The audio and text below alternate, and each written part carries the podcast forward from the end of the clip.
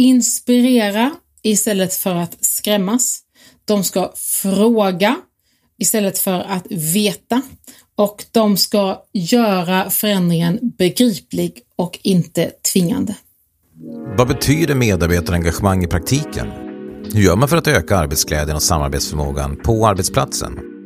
I den här podcasten pratar vi om att göra. Tillsammans med experter, ledare och HR-specialister får du konkreta tips som hjälper dig med dina utmaningar i din vardag och som ökar engagemanget i din organisation. Välkommen till en Frankly och People First podcast. Jag heter Kristoffer Sandberg och nu kör vi.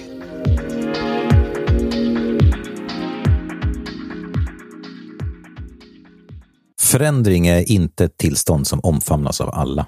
Tvärtom så skapar omorganisationer, nya strategier och förutsättningar många gånger osäkerhet och oro. Och när man blir osäker så blir man passiv och rädd för att göra fel. Och då får förändringen en trög start. Så, hur kan du som ledare och HR-chef göra för att skapa bästa möjliga förutsättningar för förändring i din organisation? Hur får du medarbetarna att gå från skeptiska och avvaktande till positiva och innovativa? För att svara på det gästas vi av Charlotta Rydholm, expert på förändringsarbete. Välkommen Charlotta! Tack så mycket!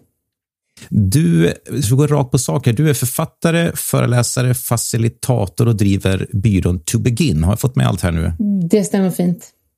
På vilket sätt hjälper du företag och organisationer med deras förändringsarbete?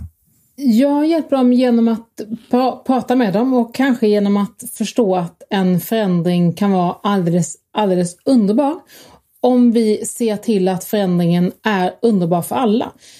Och med det menar jag att vi behöver förstå förändringen, förstå varför den ska ske. Kanske påstå mindre och fråga och involvera mer. Ganska ofta så kommer en förändring som ett påstående, alltså allt från nu är det dags att byta betygsmodell i skolan, påstående. Nu ska vi göra detta, påstående. Nu kommer tre nya konkurrenter, nu ska vi, vad det nu är, påstående. Och vi kan försöka vända dem till att lyssna och berätta och fråga och säga jag tror att eller min känsla är att eller, eller naturligtvis som chef så vet jag att vi behöver göra någonting. Jag vill lyssna och jag vill att du ska vara med på förändringsresan. Inte så här, du ska leverera på förändringsresan. För risken då är att många inte förstår varför ännu en ska vi gå med på en, en gång på en förändringsresa. Handlar det alltså här, det du nämner nu, i grund och botten om ett slags eh, få alla på samma startpunkt så att säga för att få bästa möjliga start? Ja, och få alla på samma startpunkt eh, med en vilja att förändras och inte ställa dem där. Alltså att du inte blir ställd på en plats utan att du får ställa det där nästan fysiskt. Så här, här vill jag stå eller jag kan gärna hjälpa dig, då vill jag vara med dig här borta ett tag i en vecka eller en dag eller ett år. Men du, det är ju inte helt ovanligt att man ibland hör såna här rena spökhistorier om projekt som påbörjas men som aldrig lyckas komma i mål. Mm. Varför blir det så här? Då, för då tror jag att vi inte har gått igenom va, vad som är vinsten med förändringen.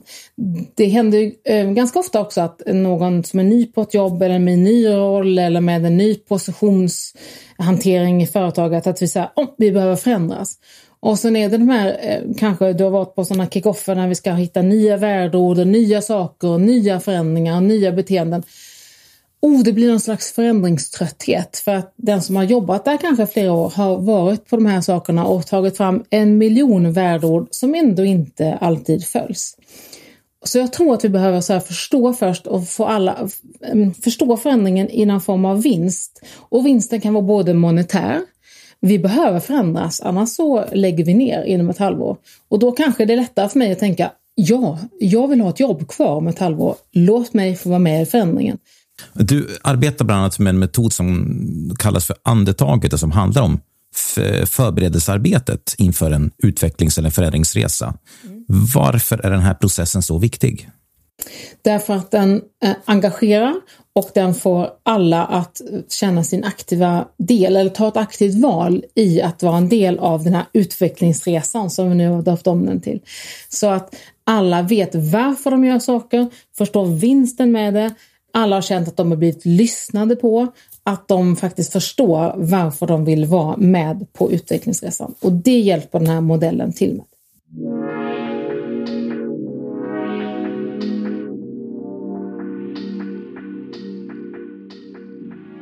Nu är jag nyfiken på att veta hur modellen andetaget faktiskt fungerar. Jag ska börja med att säga varför den heter andetaget så vi förstår den, den eh, parallellen. Vad, vad, vad 17 har ett andetag med den förändringen eller utvecklingen att göra? Jo, det är så här att om du tänker dig ett andetag börjar med att vi andas in. Koncentrerat, det finns, vi andas in genom en enda liksom infart, det är munnen eller näsan. Och sen så blir för, eh, lungorna fulla med luft. Och sen andas ut. Och då brukar vi säga att de som andas in, som tycker det är, är trevligt, det är de som fångar in saker, som tar in trendanalyser eller positioneringsmatriser eller omställningsprojekt eller forskningsrön. De som tar in mycket kunskap om, vilka, om det får vara syret då i andetaget.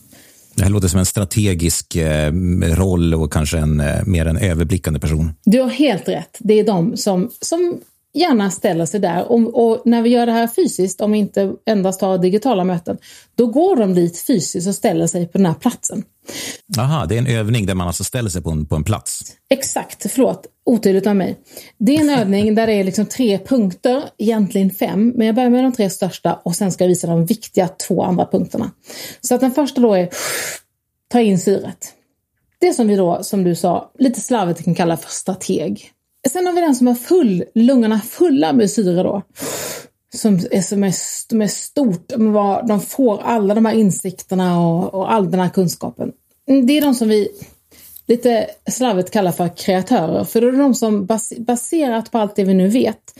Vad har vi för koncept, idéer, vilka vägar, vad, vad kan vi åstadkomma med hjälp av all den här kunskapen? Sen behöver de ju ge det här till någon, deras koncept eller deras idéer eller deras tankar.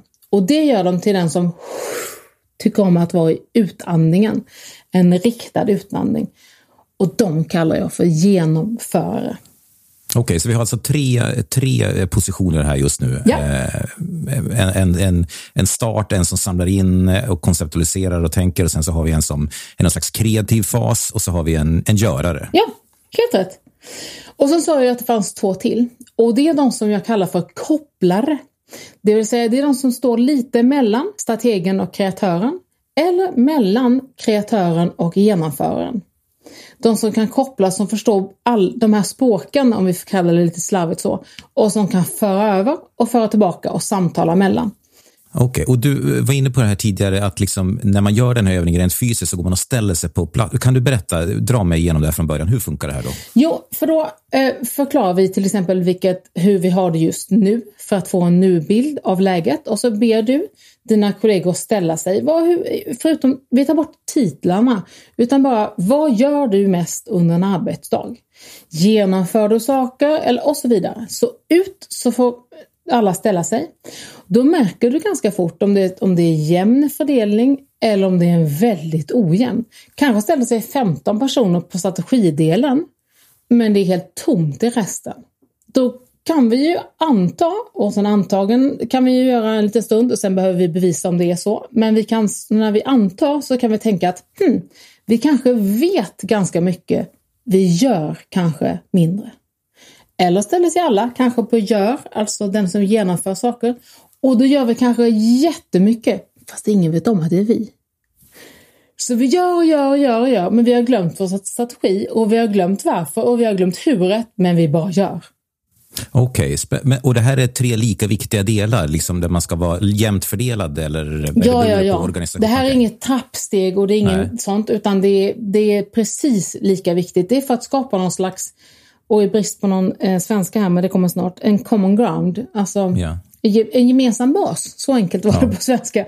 Så att vi ser så här, här är, så här ser det ut. Och sen, det fina då när förändringsarbetet kommer, då kan vi säga den här förändringen, behöver, nu håller jag handen här uppe, den här förändringen behöver vi göra, visa den.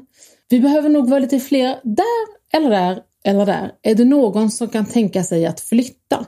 För då har vi återigen tagit det aktiva valet som jag står på en kopplingspunkt och sen hör jag att mm, den här förändringen vill jag också få gjord för jag vill också ha mitt arbete kvar till exempel då om sex månader. Och nu blir vi ombedda att ställa oss i mitten.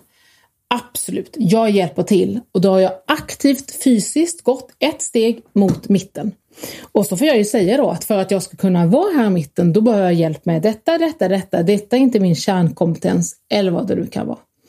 Men då kan vi se hur vi behöver flytta oss och hur vi själva är med på förändringen.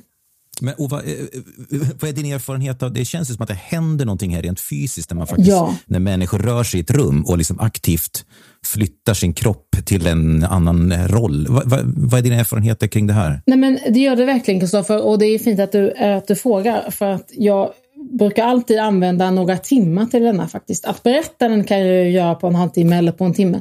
Men om den verkligen ska göras i ett företag, det tar sin tid för det kommer allt från skratt till tårar. Det kommer nästan alltid frågan, va? Står du där? Så att, och den säger ju ganska mycket. Den säger, aha, det är kanske är därför jag är missförstådd alltid. För alla andra trodde jag stod på en annan plats. Men själv trodde jag att jag stod här. Den är väldigt värdefull att göra. Det, värdefull att göra. Dels för att få ett nuläge och veta.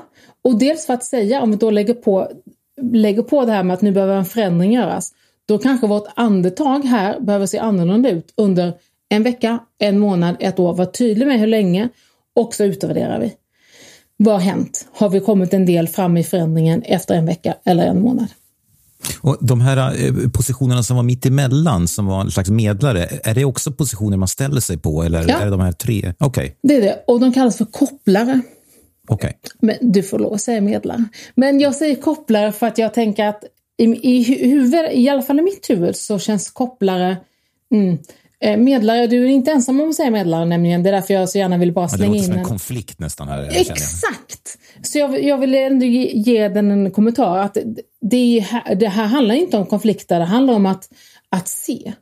Att göra det tydligt, att göra det visuellt och att faktiskt till och med göra det fysiskt. Så därför kallar jag dem kopplare, för de krokar nästan arm med varsin person i de här andra, liksom, den, den platsen som är bredvid. Så att de kan säga, nu pratar jag med dig, jag lyssnar och nu pratar jag med den. Då jag hjälper till så att den här förändringen går drrrt, från strategin till kreatören till genomföraren. Vad händer sen? Vad är då nästa steg när man har placerat ut sig och så vidare? Är det, landar det liksom en stor lunta på chefen? Okej, nu ska du göra det. Vad, vad händer sen? Eh, sen, sen tar vi fram olika, beroende på vilken förändring det är då, så tar vi fram olika, vad, vad behövs nu göras? Och då finns det ju i olika företag finns det olika system för detta. Mm, det enklaste är kanske att göra en ganska snabb handlingsplan. Och när jag säger ganska snabb så pratar jag om, om att den kan ta en dag att göra och inte några veckor. Utan baserat på det vi ser och baserat på en förändring som kanske har skett i andetaget så behöver vi se vad behöver den gruppen för hjälp för att genomföra det de behöver göra? Vad behöver den gruppen och vad behöver den gruppen? Vad behöver de här fem grupperna för att hjälpa till eh, att genomföra den förändring eller den utveckling som vi nu har gemensamt bestämt ska ske? Och de här handlingsplanerna är ganska enkla. Det är nästan så att, som, ett kund, som en kundresa. Alltså förstår du? Du Jag så här, släpper ner någonting i strategens hög och säger och sen så följer den igenom första kopplaren till kreatören, till andra kopplaren, till genomföraren. Och sen ser vi, mm, så här skulle det kunna se ut, så här skulle det kunna fungera. Och jättegärna fysiskt om det går. Eller digitalt går ju faktiskt lika bra att se så här, mm, nu står vi så och nu står vi så, utan att berätta vilka tekniska verktyg som kan användas, för då kanske vi gör reklam för något vi inte ska. Så går det här alldeles utmärkt att göra digitalt. Är det, funkar den här metoden bättre eller sämre på vissa organisationer eller kan man i praktiken använda den oavsett vilka man är? Mm, Frågan kommer ju ganska ofta då, eh, om vi nu bara är fyra anställda till exempel, och det är fem stycken punkter, vad gör vi då? Ja, men det handlar ju om att, det handlar om att se och att visualisera vad vi kan och vad vi just nu inte kan och vad vi kanske aldrig vill kunna. För det kan vi ju hyra in eller ta in eller en tjänst som vi kan köpa in. Så det handlar om att se så här, ah, vi är 15 personer här, vi är en person där och vi är noll där. Vi ska aldrig vara mer än noll. Vi ska alltid vara noll så att säga på den positionen. Den tjänsten ska vi köpa in. För det kommer inte vara vår kompetens och det ska aldrig vara vår kompetens. Men tack vare att vi ser det här så ser vi också att alla kan se då, ah, där är vi få. Varför? Och så vidare. Så kommer samtalet igång. Några snabba frågor. Hur lång tid tar det att göra den här övningen eller den här metoden? att bara genomföra, att bara ställa sig och prata om det mm. sådär, skulle jag säga, jag brukar använda en halv dag eller en hel dag. Okay. För att det, det kommer så många värdefulla samtal ur det. Så att, att bara ställa sig skulle kunna gå på en kvart. Att säga då, här är förändringen, ställer efter förändringen, en kvart. Då har vi fortfarande inte lyssnat så mycket, då har vi ju bara påstått. Så här är vi, nu kommer förändring, så här ska vi vara, punkt slut, hej, mötet färdigt. Eh, är det chefen som ska leda arbetet eller är det bättre att ta in en eh, dedikerad facilitator? Det fina med att ta in en facilitator är att den inte mm, tycker så mycket, utan den snarare kan se och kanske också kan hjälpa, mm, hjälpa den här förändringen, utvecklingen genom att flytta fråga. Så här, vill du stå där? Vad behöver du för hjälp då? Och en facilitator är ju då inte påverkad av att veta vi har inte pengar för att vidareutbilda och så vidare. Utan en facilitator kan ju bara säga att det här är den bästa uppsättning för att klara den förändring och den utveckling ni vill. Jag skulle nog kanske börjat med en facilitator. Eh, och sen är det viktigt att, att alla chefer är med och även fysiskt med så att säga, ställer sig. Mm. Eh, och sen så tror jag att en chef kan ta den vidare. Jag förstår. Men jag upplever ju en hel del telefonsamtal efter en månad eller två eller ett halvår där det är så här, åh, kan du komma tillbaka? Ja. Eh, för att det är, den, är, den är faktiskt ganska rolig också. Jag säger nu, nu har jag sagt att åh, den startar mycket samtal och den startar både gråt och tanda gnisslan. Men den startar också en hel del skratt faktiskt. Den är ganska rolig mm. Eh, att göra, för den är så här, va? Det visste inte jag om mig själv nästan. Avslutningsvis, dina tre viktigaste tips till chefer, HR-ledare som är på väg att sjösätta en större förändring. Vad ska de tänka på? Då vill jag att de ska inspirera istället för att skrämmas. De ska fråga istället för att veta. Och de ska göra förändringen begriplig och inte tvingande. Medarbetarnas egna val och delaktighet är alltså A och O för att skapa bästa möjliga förutsättningar för en förändring. Också viktigt är att kommunicera och diskutera vad själva vinsten med förändringen är. Först då är vi redo att med fullt engagemang kliva på förändringsresan. Och med det sagt så rundar vi av det här avsnittet. Stort tack Charlotta för att du delar med dig av dina tips, metoder och erfarenheter. Tack för att jag fick vara med i din fina podd. Jag ser fram emot att lyssna på dina andra avsnitt. Om du vill komma i kontakt med Charlotta Rydholm så nås hon på tobegin.se. Och vill du veta mer om hur du kan använda en Frankly för att jobba med förändring i din organisation? Besök oss på anfrankly.com eller mejla till hello Och glöm inte att prenumerera på den här podcasten. Vi finns där poddar finns. Hej då!